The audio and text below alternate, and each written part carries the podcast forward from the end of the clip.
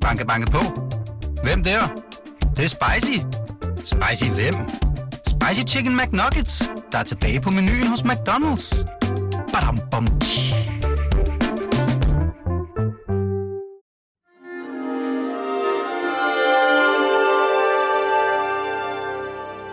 Du lytter til Avistid, en podcast fra Weekendavisen.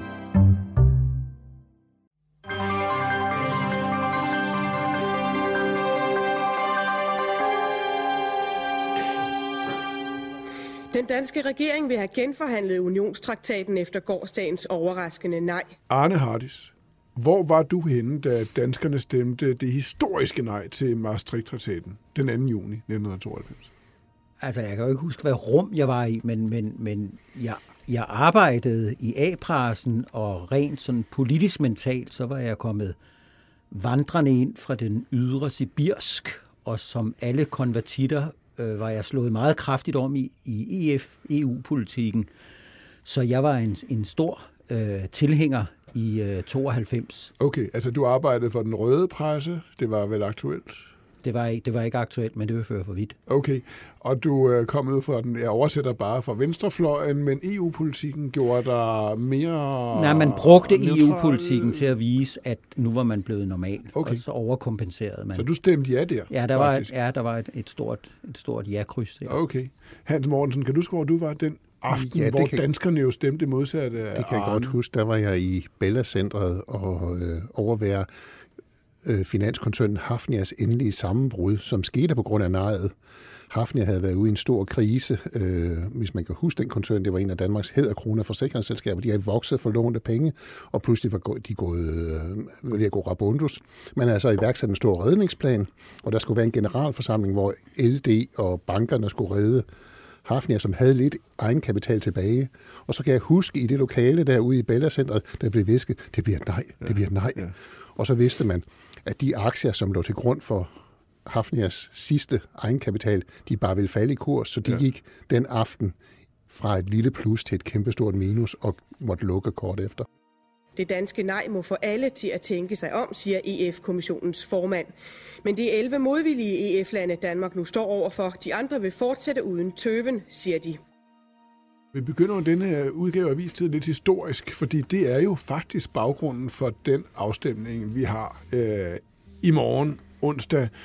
Det var det nej i 92, for det var det, der fødte de fire forbehold. Kan I huske, hvad, hvad var stemningen den aften, hvor det viser, at vi stemte nej? Jamen der, hvor jeg var i hvert fald blandt erhvervsfolk ude i, der var der sådan en vantro, kunne det her virkelig finde sted? Fordi det havde man da ikke troet, nogen ja. kunne være så skøre, at de kunne stemme nej til det her. Ja, og Arne, var du Jamen, skuffet, jeg- fordi du var jo pludselig blevet ja, siger. Jamen, Jeg var jo vant til at være på tabernes side, men, men, men jeg kan ikke huske, om det var samme aften, men det blev meget hurtigt sådan, at så overgik øh, initiativet fra den siddende øh, slutterregering til den røde opposition og med, og med Holger K. Nielsen og SF som aktører, Præcis. som ligesom skulle rave Ja. kastanjerne ud af ilden for, for de siddende magthavere, så det blev, øh, det blev de, de kommende magthavere, Nyops regering og hans parlamentariske grundlag, der, der, der gik ind og, og, hvad skal man sige, redde situationen. Præcis, for det der, det der jo gik op for folk, det var, at et nej til Maastricht der i juni 92 jo var ensbetydende med, at Danmark jo logisk nok måtte forlade øh, EU, med mindre vi ombestemte os. Og det fik vi så lejlighed til året efter, blandt andet med Holger K. og, øh, og også Socialdemokraterne øh, i spidsen. Fire forbehold var blevet indført, og en af dem var altså forsvarsforbeholdet, der kom det. Og så stemte vi igen i maj 93, og der blev det et ja. Ikke et stort ja, men et ja. Og der var historiske demonstrationer og optøjer i København. Goddag her et kvarter med de seneste nyheder. 10 besættere blev i nat beskudt af politiet under voldsomme uroligheder på Nørrebro i København. Sammenstødene, der varede det meste af natten, begyndte, da besætterne barrikaderede flere gader i protest mod resultatet af folkeafstemningen. Det forløb, altså det ja, der blev født i vold, har jo fulgt dansk EU-politik lige siden. Siden tiltrædelsen i 72 har vi stemt, Arne og Hans, hvor mange gange? Kan I huske det? Nej.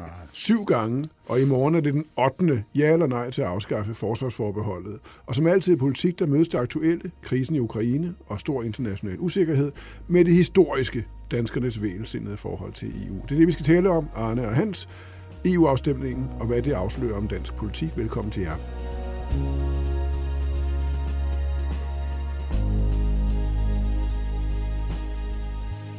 Ja eller nej til at afskaffe forbeholdet? Lige nu hælder det klart til et ja ifølge meningsmålingerne. Tror I egentlig på dem, de meningsmålinger? Ja, det må man jo tro på. Altså, de er jo meget markante, men på den anden side, så øh, skal man ikke blive overrasket over EU-afstemninger i det her land. Jamen, jeg, jeg, jeg tror, jeg, jeg siger altid til mig selv, at jeg ikke må tro på meningsmålinger, og jeg er, jeg er meget troende på det felt alligevel. Ja. Du er troende? Ja. Du tror, det bliver det ja? Ja, det gør jeg. Okay. Det er jo også regeringens anbefaling. Og Mette Frederiksen øh, siger, at det her det handler om forsvar og sikkerhed, og lad os lige høre, hvordan hun formulerede sig her til partilederdebat søndag aften. Altså, vi står her i dag, fordi Rusland har angrebet Ukraine. Det er ikke kun et angreb på Ukraine, det er et angreb på alle os, der tror på øh, den verdensorden, vi har opbygget efter 2. verdenskrig. Den verdensorden kan kun fungere, hvis vi har nogle stærke politiske fællesskaber. Og Danmark er for lille, når der er den uro i verden, som der er i dag. Hvordan har statsministerens kampagne været, som I ser det? Altså, jeg har en eller anden idé om, at det faktisk ikke er kampagnen, som, øh, som har haft det store at sige, og indimellem har jeg haft fornemmelsen, jo mindre vi hører fra ja-siden, jo, jo bedre går det, fordi at det er et stort spring fra fra Ukraine til at forklare, at det er et kæmpe problem, at Danmark ikke kan være med i forskellige aktioner. Jeg tror faktisk, og det tror jeg også er ja-sidens egen vurdering, at det er i Ukraine sejren er vundet. Den frase, som er blevet almindelig, at det er en helt ny verden, og alle gamle argumenter kan kuldkastes osv., den er ekstremt troværdig den har forandret folkestemningen i Sverige og Finland, og den har fået Tyskland til at komme til lommerne, i hvert fald til eget militær, og så videre og så videre. Så jeg tror faktisk ikke, at ja-sidens argumenter er, er, er så bemærkelsesværdige, men der er dog én ting, altså Mette Frederiksen siger, at vi er for lille et land til at stå alene. Det er sådan det, som vi på Weekendavisen vil kalde et paradigmatisk skift, fordi i gamle dage, når vi var skeptiske, så var vi for, vi var for små til at være med. Altså, vi kunne ikke være med i den der store glupske ja. union, som mm. vil opsluge os og var en glidebane ned i helvede og så videre. Nu tænker vi det øh, omvendt, og synes jeg, øh, mere realistisk. Det er ligesom om, at verden er kommet klonkende ned i hovedet på os ja. og fortæller os, at der er altså nogle ting, som er lidt ude af vores hænder, og måske er vi bare nødt til at, at, at vinde med. Hans, kan man, kan man aflæse hele den EU-historie, vi lige øh, opridsede lige før, i, i de argumenter, der bliver brugt? Jamen, det kan man godt, fordi det har altid været sådan lidt... Øh når man skulle argumentere for et ja til noget EU i Danmark, så var det altid sådan lidt, der sker ikke det store ved det, øh, men det er meget, meget vigtigt, at vi gør det. Øh, og det er det jo også her, fordi vi, vi ved jo godt, at det ikke er EU, der skal øh, gribe ind i Ukraine. Det er NATO, det er med USA, mm. øh, britterne, som ikke er medlem af EU i spidsen. Så, så, så det er store konsekvenser for det jo heller ikke, og der er jo heller ikke rigtig nogen, der har kunnet forklare, hvad det egentlig er, vi skal med i. Øh, men, og, og nej-siden har jo også haft svært ved at forklare, hvad det er, men det er faren er. Det der med, det, der sker ikke det store store. I kan roligt stemme øh, ja, bare roligt. Det, det, det, det har ikke de store konsekvenser. Det er, det er sgu da lidt af et paradoks. Jo, men at det, det er jo, hovedsætter men, hos jer-folket. Men det er en, afstemning efter afstemning. Det er en solidaritetstilkendegivelse. Det er en proklamation af, det er her, vi er. Altså Europa er blomstret op som begreb i kraft af Ukraines kamp for at mm. blive, skråstreg forblive en del af Europa. Så det er sådan en lidt, jamen, der er vi med. Vi er mere ens med dem end med andre. Vi mener nærområdet øh, faktisk som noget konkret. Der er nogle flygtninge, vi gerne vil åbne portene for mere end andre. Mm. Så er det sådan lidt et, et slags læserbrev i øh, tiden. Ja. Og så er det jo også, altså forbeholdet er jo også en handelsvare i politiske drøftelser. Det var jo en del af bestræbelsen på at få pakket de fem partier sammen, som, som står bag det øh, nationale kompromis. Tilbage fra 93.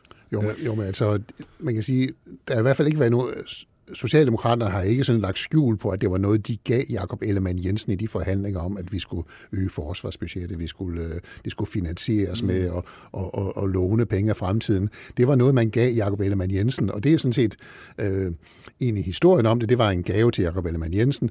Øh, Socialdemokraterne kunne godt have undværet det her. Søren Pape Poulsen har ligesom tilkendegivet i interviews, ja. at det er ikke særlig vigtigt, om vi stemmer det ene eller andet, men selvfølgelig stemmer vi ja. Så skulle det gå hen og blive et nej, så er det Jacob Ellemann, der taber det her. Det har Socialdemokraterne, de konservative, fået fortalt ja, tydeligt. Det, det er slet ikke tænkt på. Skulle, de, skulle de ja. vinde, så skal det nok være dem alle sammen, der vinder. Ja, okay. Vi kommer tilbage til Jacob Ellemann lige om lidt. Det gør det jo interessant, øh, måske mere end sædvanligt interessant at tale om ham. Det siger I, at en sejr for statsministeren ikke betyder særlig meget? Der er jo altid, der er jo altid prestige øh, forbundet med, om man taber eller vinder en, en stor afstemning, man har udskrevet. Men man skal, man skal huske, at Socialdemokratiet var meget tæt på før 24. februar, ja. som forandrede alt, så intet er som før. Der var man jo meget tæt på at give de fire forbehold øh, status af en del af en varig dansk øh, ja. EU-politik. Ikke mindst fordi man har fået så mange tæsk de par gange, hvor man har forsøgt at slippe af med et af forbeholdene. Til euro under retsforbeholdet. Ja, ja. Øh, så jeg, jeg, jeg, jeg tror ikke, at man vil synes, at det var et helt forfærdeligt nederlag. Brandhammerne ærgerligt, som man siger, men ikke noget ja. kæmpestort nederlag. Okay. Nu øh, har I selv nævnt Jacob Ellemann på en spændende måde. Han har jo også fået en del ros for kampagnen, og jeg vil gerne høre, om I er enige i den ros. Men først skal vi lige høre, øh, hvordan han taler om nej-sigerne på venstrefløjen, og det gjorde han ved debatten søndag. Jeg bliver bare nødt til at anholde det her med, at, øh, at, at man ønsker en eller anden løsning. Det er en meget, meget naiv holdning, hvor man ønsker en løsning, hvor man siger, jamen hvis vi bare nedruster, så sker der altså ikke noget ondt. Som Oberst Hesselberg sagde det lige før, årsagen til, at vi kunne gøre noget i Bosnien, det var, at vi satte hårdt ind. Vi satte ind med rå magt. Vi fik fred gennem overlegen ildkraft, fordi vi rykkede ind massivt og viste, hvad der ville ske, hvis man gjorde noget imod os. Jeg ved det, for jeg var der selv. Var han der selv?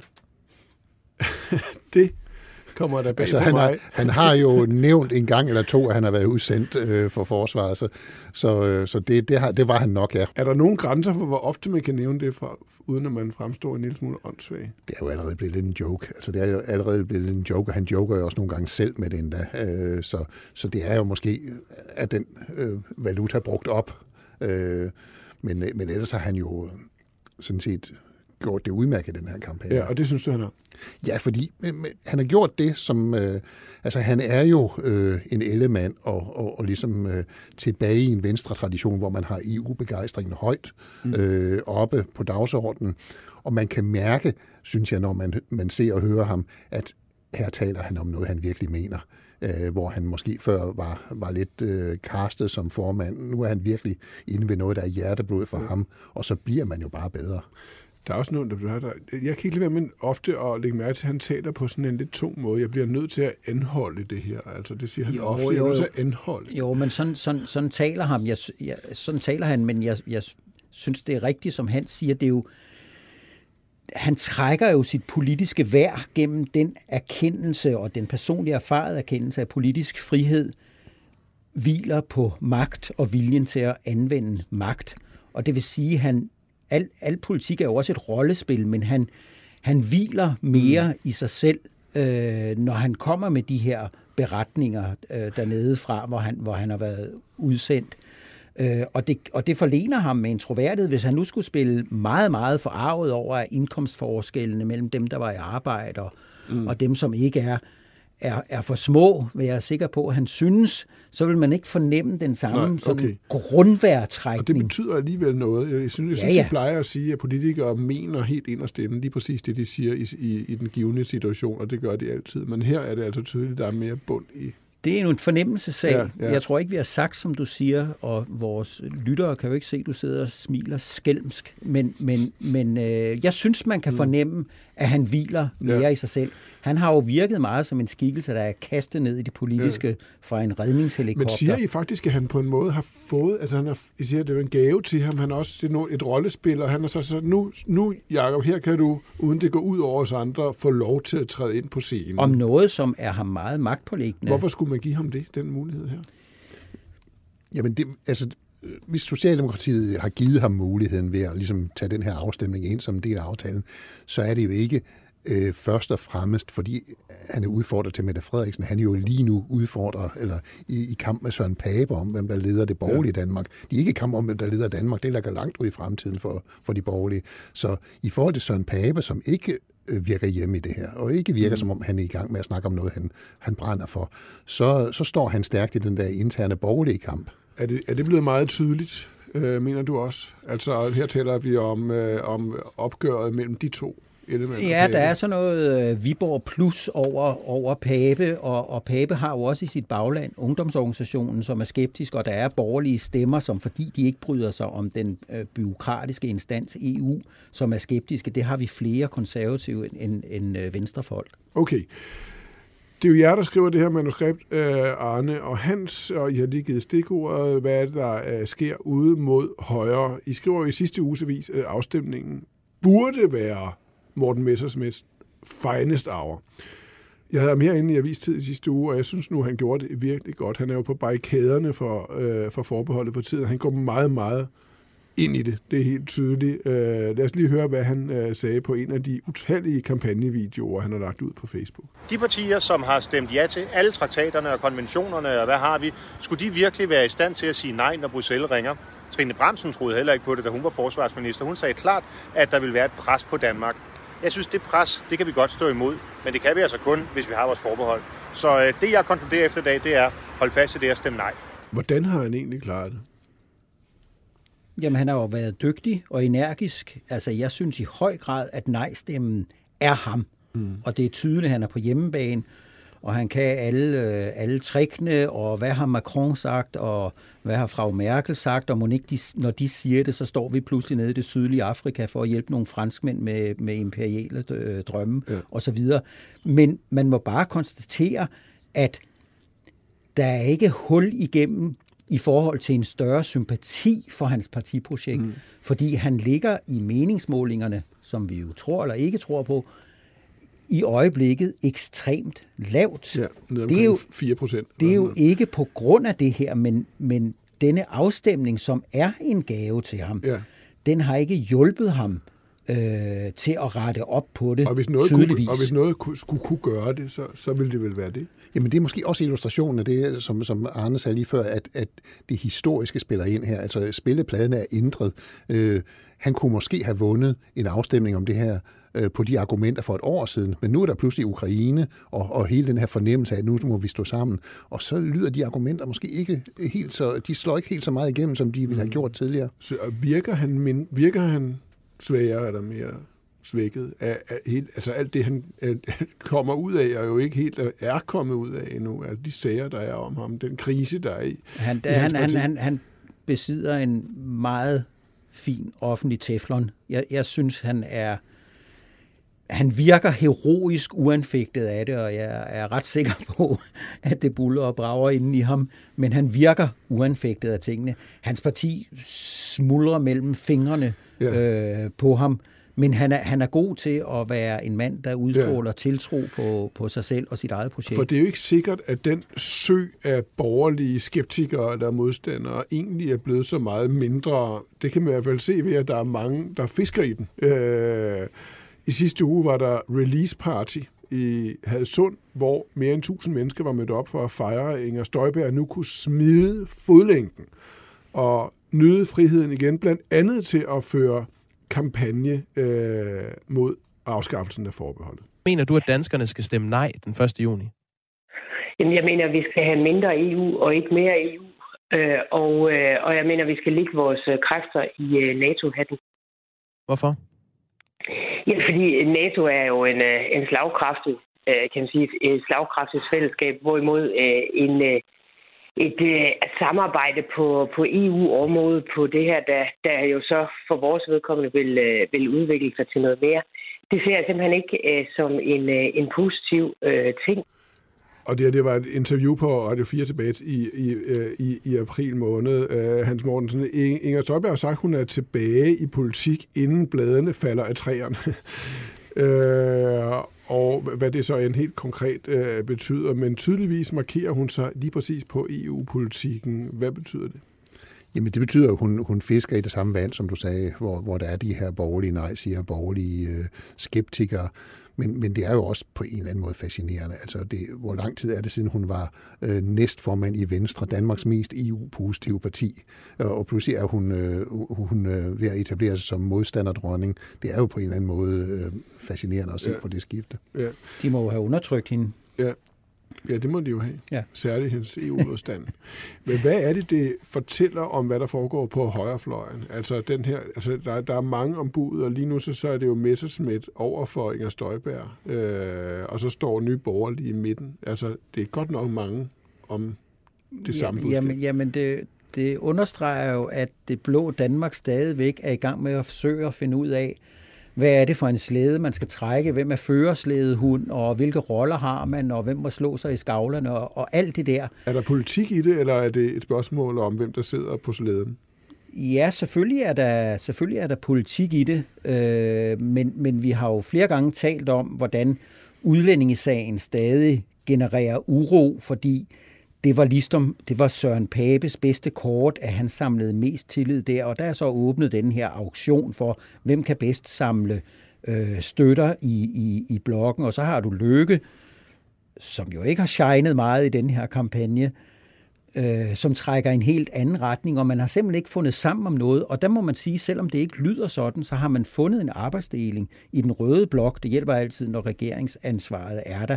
Så ved man, at der er mange, der er imod øh, den socialdemokratiske udlændingepolitik, lige til kvalmegrænsen og henover og, og så videre.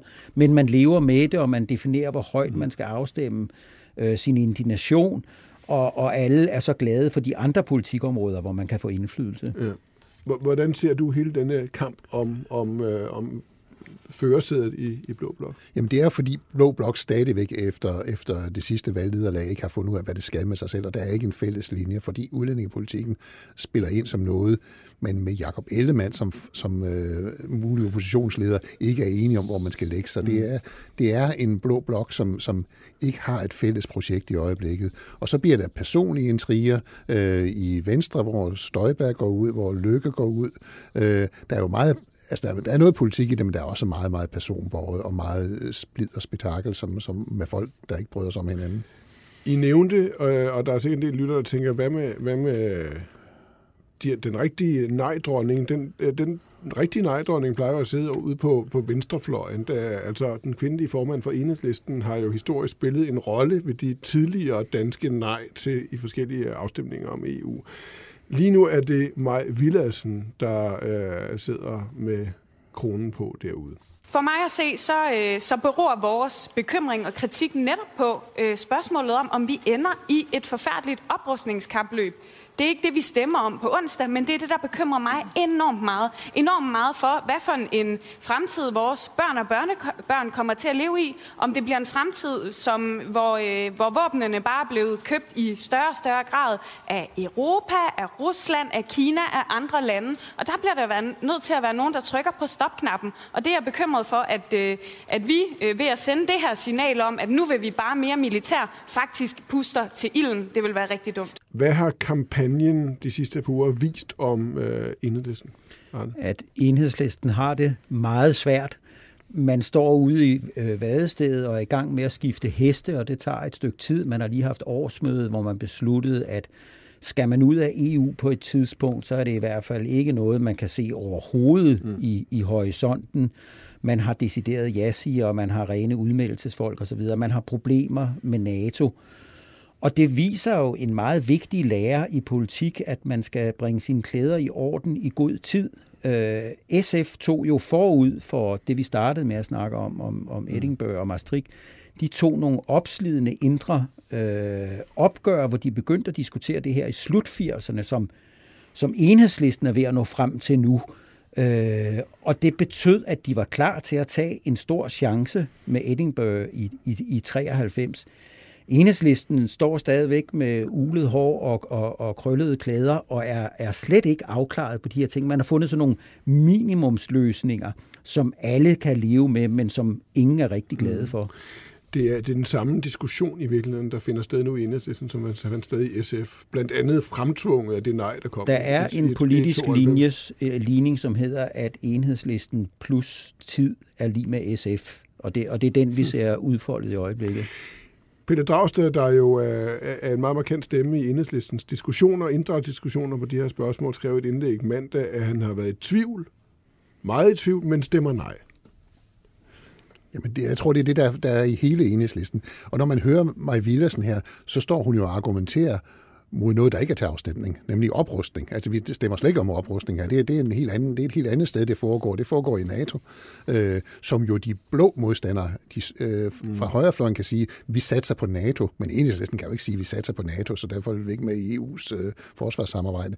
Så de, de, er lidt, øh, de er lidt i beknep for argumenter, og så bliver det sådan lidt af gammel vane, de er imod. Så det er det der med det alternativ, de kan pege på, det eksisterer ikke længere. Nej, og samtidig er der jo nogen, der har rigtig ubekvemmelse ved det selskab, de er havnet i. Mm. Sammen med Støjberg, Morten Messerschmidt og Pernille Vermund er deres venner lige nu. Og det er jo ikke særlig rart. Men det er vel en klassisk bue, man ser, hvor, hvor den yderste venstrefløj og yderste højrefløj pludselig Jo. sidder ved siden af hinanden. Jo, men hvis, hvis du tager opgøret om kronen og euroen tilbage i 2000, så var der en form for indre harmoni mellem de blå og de røde øh, nej-siger. Der var i hvert fald ikke nogen åbne øh, modsigelser, og det er der denne gang. Øh, øh, Messerschmidt siger, at det er livsfarligt for NATO, det her. Det er nærmest sådan at, at spille fandango med, ja. med NATO's øh, eksistens, eller vores tilknytning til i hvert fald, mens øh, Pelle Dragsted i det indlæg, du omtaler, han fortæller, at det bliver jo, NATO det fortsætter jo for fuld skrue, så får, mm. vi, bare, så får vi bare EU-hæren oveni. Så der er, man taler i munden på hinanden, og man taler mod hinanden på nej-fronten mm. i denne omgang. Det gør det jo heller ikke nemmere. Til sidst, Arne og Hans, øh, og I, I nævner det jo hele tiden, hvordan kampagnen her afslører meget om den flydende politiske situation, der er øh, i Danmark øh, for tiden. Hvad er det mest interessante for jer at holde øje med øh, i de kommende uger og måneder? Du starter, Hans. Jamen, det er måske et lidt andet sted. Det er jo, øh, altså der er masser at holde øje med, men det, det handler måske ikke så meget om EU. Men øh, nu har der jo været en slags borgerfred mellem øh, den ledende opposition og regeringen i, under den her afstemning, fordi de er på samme side eller ja. på samme hold. Så nu, nu bryder politik ud i lys lue fra i, i overmorgen eller sådan noget, hvor, hvor afstemningsresultatet ligger. Og så bliver det jo så bliver det jo Mink-sag, og så bliver det øh, det ene og det andet, og finanslov og så videre. Og så begynder man jo at bygge op til en valgkamp, fordi vi er går ind i et valgår nu. Og har kampagnen afsløret noget øh, om forholdet mellem regeringen og oppositionen, Arne? Nej, fordi det var en midlertidig, øh, det var en midlertidig borgerfred. Øh, men udover det med minkene, som vi jo nok skal få meget øh, glæde af i løbet af ganske få uger, så ligger der også det underliggende, øh, hvad der sker med prisniveauet og udgifterne for, for almindelige danskere, som man siger, i den kommende tid. Krigen i Ukraine ser ud til at fortsætte. Sanktionerne kommer til at gøre mere og mere ondt på os selv. Vi kører i øjeblikket den paroleagtige frase, at ukrainerne bestemmer, hvornår der skal være fred. Det kan trække ind over vinteren. Der kan blive brødmangel i, øh, i hele verden. Og det er et tema, som konstituerer alt det, som, som politik handler om. Mm. Hvordan får jeg øh, nok til mig selv? Ja. Hvordan fordeler vi de goder, der Ja. er? Altså, den her afstemning, den er jo udtryk for en usikkerhed, som ikke var der for ganske få øh, måneder siden. Øh, en helt anden situation, og den er sikkerhedspolitisk, den er økonomisk, den handler om alle mulige ting, som du også nævner, Arne. Der er en følelse jo, kan man jo sige ret sikkert, af, af, af uforudsigelighed øh, på alle mulige måder. Og usikkerhed, nervøsitet, hvad, hvad kommer der til at ske? Man taler om en, en dyb recession, der risikerer at ramme. Øh, er det, hvordan er det egentlig at skrive om politik i sådan en tid? Altså, hvor, altså, er det bare skønnere, eller, er det, eller kan I også mærke den der usikkerhed, også når I skriver? Altså, er det sværere at, at, at formulere klare, tydelige sætninger om, hvad politik egentlig udretter sig til? Det har i hvert fald været en meget lang undtagelsestilstand, hvor, hvor politik har været noget andet, end øh, selvom vi har været i det i så langt nogen kan huske tilbage. Øh, politik er blevet noget andet, og det har været en lang undtagelsestilstand, først corona og nu en krig. Så det er som om, de almindelige politiske spilleregler er jo sat ud af kraft på mange måder. Så, så det, er en, det er en ny verden, og man skal lære sig lidt nye, øh, nye ting. Jeg, jeg synes, at det vi er i øjeblikket har karakter af sådan en 100-års hændelse, hvor man først dumper tilbage til 2. verdenskrig, og så opdager man, at det var i virkeligheden bare et mellemspil fra opgør øh, i forbindelse med Første verdenskrig. Og det gør det meget svært at skrive om politik, fordi lige så, lige så manifeste politikerne er om, hvor, hvor fast vi vil stå i forhold til Ukraine, lige så usikre er vi på, hvad der kommer til at at ske. Og så er vi lige pludselig slaver af nogle meddelelser om, at nu går ukrainerne pænt frem i det nordøstlige Ukraine og får til gengæld meget svære tæsk øh, andre steder. Og det er jo, det er jo der, alle ting bliver afgjort mm.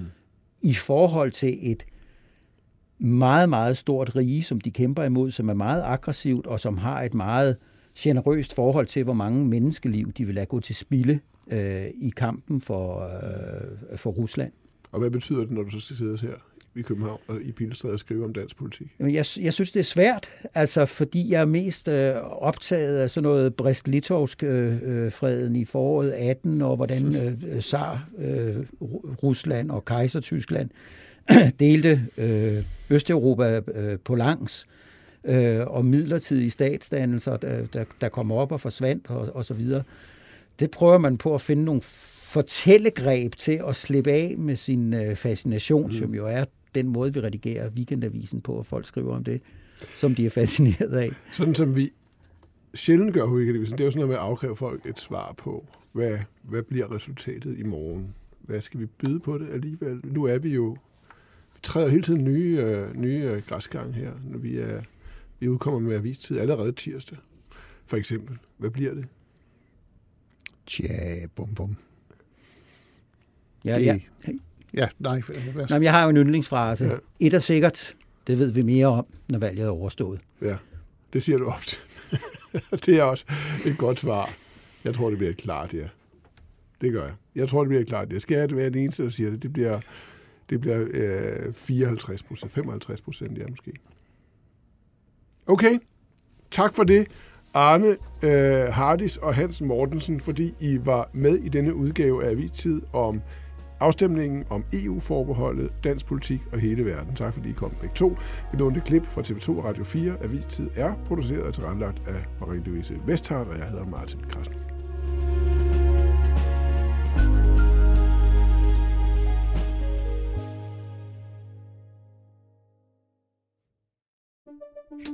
Banke, banke på. Hvem der? Det, det er spicy. Spicy hvem?